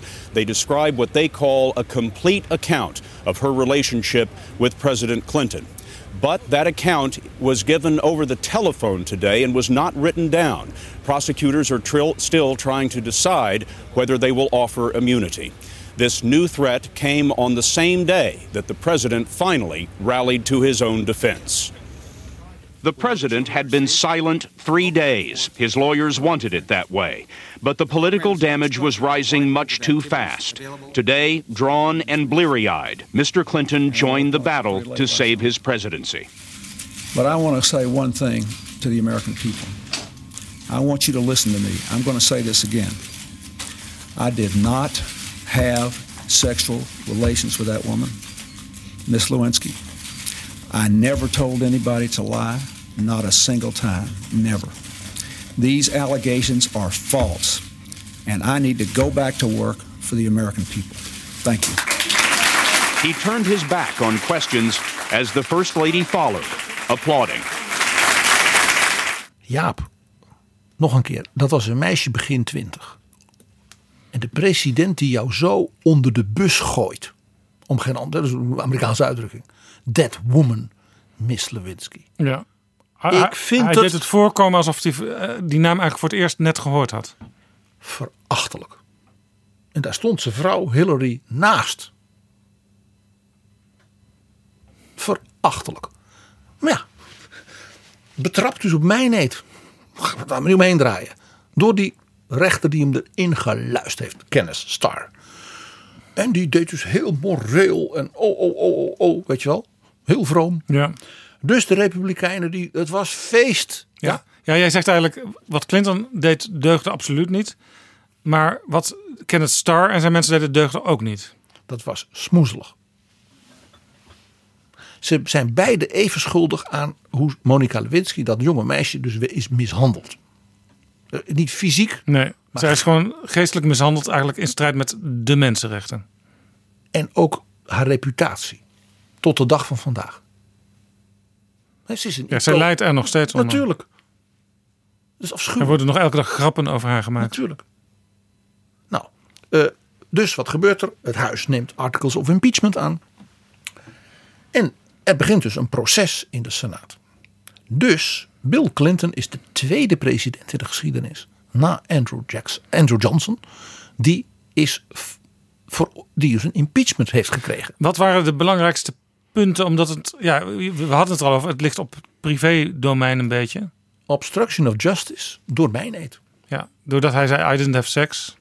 En ontkende totdat hij voor de grand jury werd verhoord en geconfronteerd werd met Ja. de bekentenis. Dus toen de zaak al, toen, toen, toen de naam Monica Lewinsky al wijdverzijds bekend was, toen heeft Bill Clinton er zelf voor gezorgd dat hij stof aandroeg voor zijn impeachment. Hij heeft de ochtend dat hij voor die grand jury moest verschijnen van die onderzoeksrechter. En hem dus duidelijk werd gemaakt door zijn eigen advocaat. Ze hebben allemaal bewijsstukken. Die ochtend heeft hij het aan Hillary en zijn dochter Chelsea verteld. Ja, ik heb het wel gedaan. Ja. En vandaar dat we ook weten dat de verhouding tussen Hillary en Bill ja, toch altijd wat ongemakkelijk is gebleven sindsdien. Jij en ik zijn daar niet bij. Wij zijn er niet bij, maar dat kun je natuurlijk heel makkelijk raden. Ja, maar ik, ik, ik ben altijd eh, heel, heel voorzichtig. Want die mensen houden wel van elkaar. Ja, ja ook, dat, ook dat zie je ook wel weer als je ze bij elkaar En, ziet. en, en hoe, de, hoe mensen hun liefde met elkaar beleven. Ook met de pijn die Daar daarin gaan wij zit. niet over. Jij, jij bent daar niet bij. Ik, misschien, juist, juist als historicus ben ik in dit opzicht altijd uitermate voorzichtig. Ja, dat kun je zien. Nee, je kunt niks zien.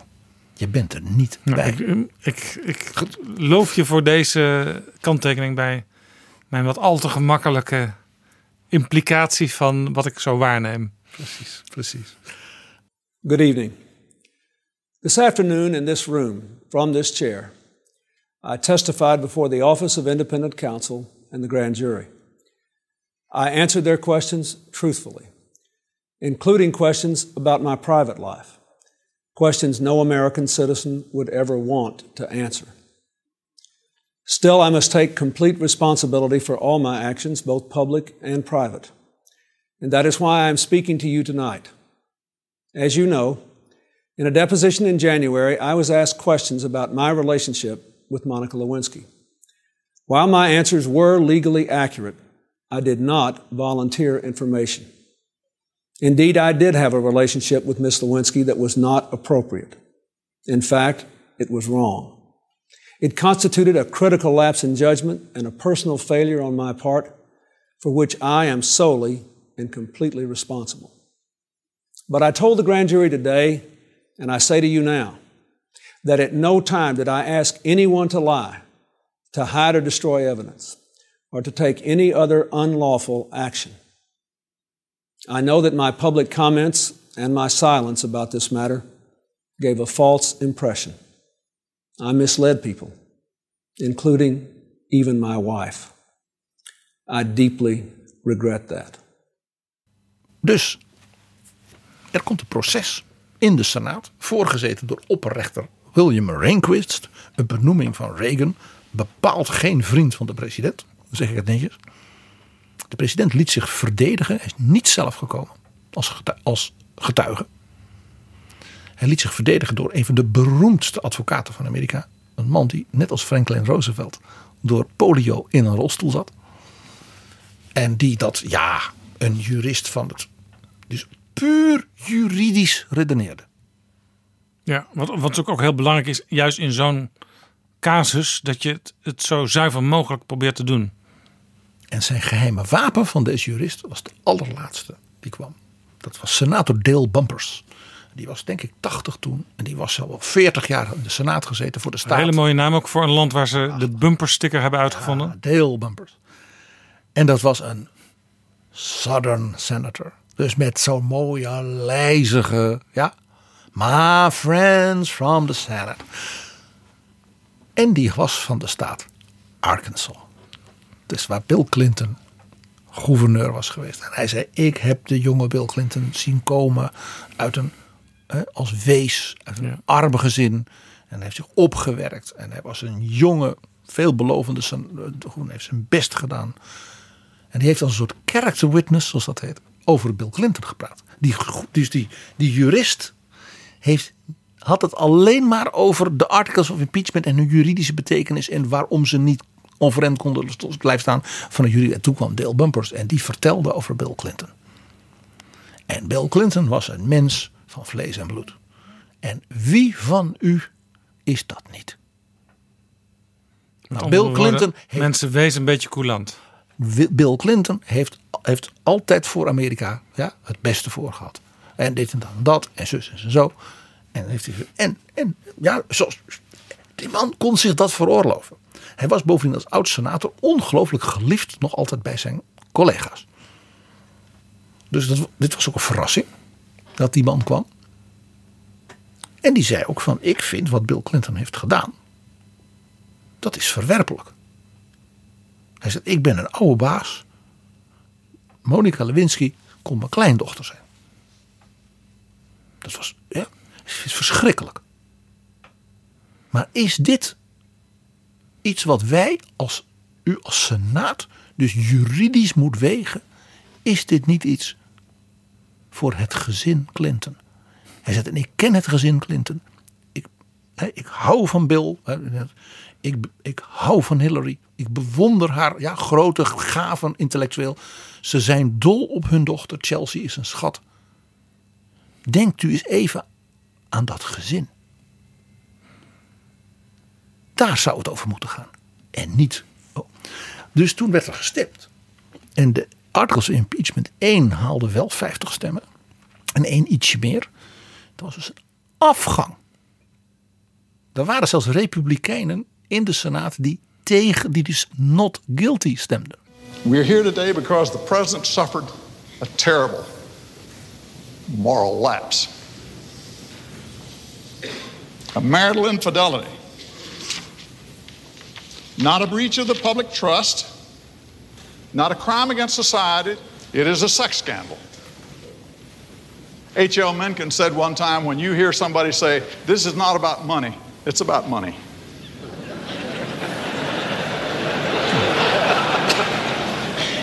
and when you hear somebody say, This is not about sex, it's about sex.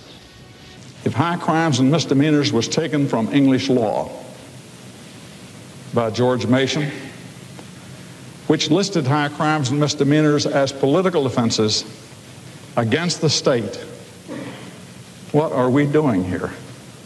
So, colleagues, if you honor the Constitution, you must look at the history of the Constitution and how we got to the impeachment clause.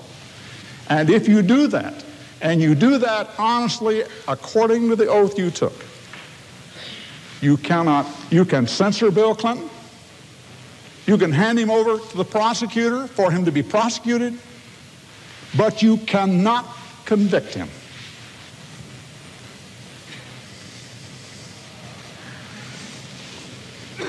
And you cannot indulge yourselves the luxury or the right to ignore this history.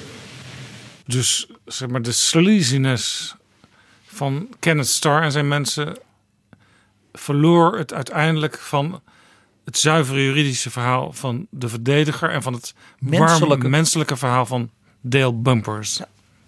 Boeiend, hè? Nou, uh, Donald Trump. Ja, dat wordt natuurlijk totaal anders. Dat weten we nu al. Dat wordt weer een, een heel uniek proces. Volledig uniek.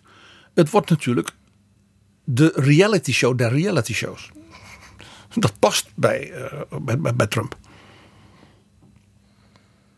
Ja, die gaat op een gegeven moment zelfs tegen de, de, de rechter zeggen: You're fired. Ja. Ja, ik, ga, ik hoef Nancy Pelosi niet te adviseren. Daar heeft ze die schoonzoon voor. Maar hij mag mij bellen. Ik zou het wel weten. Ik zou heel veel getuigen vragen. Want dat zag je in de Mueller Report. Wat kwamen we niet aan een kleurrijke mensen tegen? Emin Agalarov, de popzanger, schoonzoon van de dictator. En het is, eh, neem ik aan, zo Bob dat- Goldstone, weet je nog, die impresario die dan achter de schermen met de Russen rotzooi. En ik neem aan dat in elke Amerikaanse staatsburger is verplicht te verschijnen. Het idee dat je zou weigeren. Dan be- beken je schuld. Dus ja. En de star witness wordt natuurlijk John Bolton. John Bolton wordt de ondergang van Donald Trump. Ja, John... Samen met meneer Tillerson en meneer Mattis. Die oud-ministers. Want dat zijn alle drie mannen met credibility. Die zijn op een schandelijke manier door de president door de pleeg gespoeld. En deden het buitenlands beleid en het defensiebeleid. Ja, ja, John Bolton, die er nu ook van verdacht wordt door sommige republikeinen dat hij alweer dingen heeft gelekt over het gedrag van Trump. Onthoud wat we weten van Don Vito Corleone en de Sicilianen. Raak is een gerecht dat je koud serveert. Nog één klein dingetje. Zo'n impeachment. Is dat nou alleen iets unieks voor Amerika? Jaap, wat dacht je? Nou ja, je zei al dat het komt uit het Verenigd Koninkrijk. Eigenlijk via de Noormannen en Normandië. Leuk hè? Impedire. Empêcher. Maar als ik het hoor, het woord, dan denk ik wel altijd meteen aan Amerika. Ja. Zal ik je vertellen, ik heb een lijstje landen. Weet je nog dat er onlangs in een van de grootste landen op aarde... de eerste vrouwelijke president via een impeachment uit het Oh, paleis ja. is getrapt? Brazilië. Dilma Rousseff. Jazeker. Eh weet je, ik heb een lijstje landen dat je denkt, oh ja. Het kan in Oostenrijk zowel door het parlement als dat het parlement een referendum kan uitschrijven om de bevolking te vragen de president te ontslaan. Eh, Bulgarije, Kroatië, Tsjechië, dat is interessant. Er zijn nieuwe democratieën in Europa. Nieuwe EU-lidstaten. Die hebben dus bij na de val van de muur met hun nieuwe grondwet dus dit overgenomen. Het kan in Frankrijk en zelfs in Duitsland. In Duitsland kunnen ook rechters impeached worden. Want in Duitsland hebben ze natuurlijk een hele mooie procedure. De Bundesraad en de Bundestag moeten in meerderheid besluiten dat zeg maar, president Steinmeier, ja, het gaat om de president en niet de kanselier. President Steinmeier zou worden afgezet. Omdat hij eh, bewust, ja, bewust de wet heeft geschonden. Dus niet als hij per ongeluk. Dat besluit is niet genoeg. Hier zie je weer, we hadden het in het verhaal over Adenauer onlangs, dat de Duitsers in die grondwet allemaal checks en balances om de Weimar te voorkomen. Ja? Ja. Dus dat besluit gaat dan naar het Hooggerechtshof, het Verfassingsgericht in Karlsruhe. En die rechters die mogen beslissen of dit terecht was, juridisch of niet. En zeggen ze nee, die uitspraak van Bundesraad en Bundestag is juridisch voldoende gegrond. Dan is de president afgezet. En er is nog één ander land waar ze niet alleen de president, maar ook nog de man boven de president kunnen afzetten via impeachment. En dat is? Iran. De Islamitische Republiek Iran. De eerste president van de Islamitische Republiek, Bani Sadr, is afgezet na twee jaar door impeachment. De grote geestelijk leider van Iran, dus Ayatollah Khamenei, kan worden afgezet door de Raad van Hoeders. Ja, de Raad van Hoeders van de Grondwet. Uh, nee, van, van het geloof. De Raad van Hoeders, dat zijn dus de, dat zijn dus Ja. de twintig meest gezaghebbende Ayatollahs. Ja. ja, volgens mij heet het officieel de Raad van Hoeders van de Grondwet. Ja, maar, ze, maar ze zijn dus hoeders van het geloof. Ja. En, Want dat gaat boven de ja, grondwet. Maar ik ben, daar wil ik nog wel eens een keer eh, een boek over lezen. Hoe dat, die procedure dan gaat. Want dat, die man is, die er nu zit, namelijk Gamenei. Die, die lijkt mij onafzetbaar. Want hij is eigenlijk in persoon de dictator van het land. Ook al zit er een redelijk, eh, tussen aanhalingstekens, redelijk democratisch gekozen parlement. En een ook democratisch gekozen president. Eh, Die geestelijk leider, Gamenei, en zijn raad van hoeders. Die kunnen op heel veel manieren allerlei besluiten weer terugdraaien. Ja, want uiteindelijk gaat de godsdienst boven de grondwet. Eh, Iran is een democratische republiek. Ja, met alles erop Maar wel een theocratie. Maar het is een theocratie. Het is de droom van Kees van der Staaij. Ja, dat, dat zal hij niet uh, jou in dank afnemen. Want ik weet dat het woord theocratie, dat speelt inderdaad. Maar ik ga daar, uh, ga daar Kees van der Staaij nog een keer over bevragen.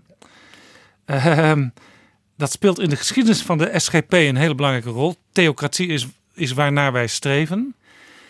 Het Ik staat, zou- ik zou het is het de staat denk ik ook nog steeds wel in beginselprogramma's. Zeker. Maar ze gebruiken het uit zichzelf niet meer, omdat het maar verwarring wekt. En mensen gaan zich afvragen, wat bedoel je daar dan precies mee? Het was ook een beetje een ondeugende opmerking. Ik zei, het is de droom. Ik zei niet, het is het beleid. En ik vind dat je als polit- politicus, eh, als, dat je ideologische dromen mag hebben.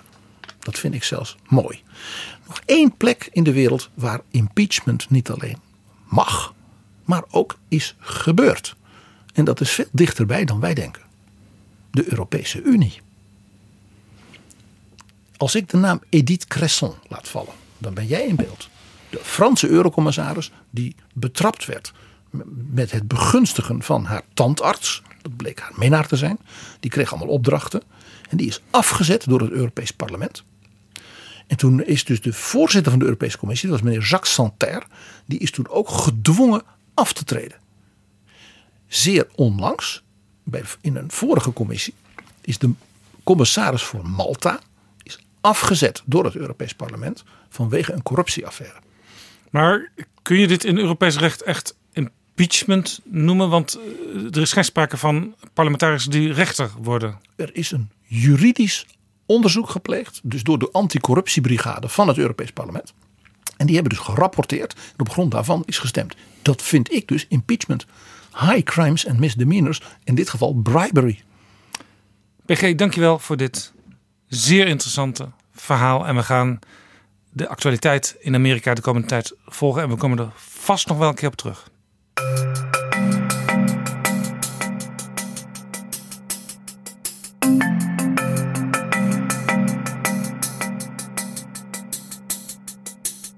Zo, dit was Betrouwbare Bronnen, aflevering 51. De eerste keer ook op dinsdag en vrijdag komt er gewoon weer een nieuwe aflevering. Wil je reageren op deze aflevering? Dat kan in je podcast-app. Het kan ook op Twitter of via een mailtje aan betrouwbare bronnen. Wil je adverteren of sponsoren? Schrijf dan aan Flip Kilian Adams door een mailtje te sturen aan flip@dagennacht.nl. Flip. Tot vrijdag. Betrouwbare bronnen wordt gemaakt door Jaap Jansen in samenwerking met dag en nacht.nl.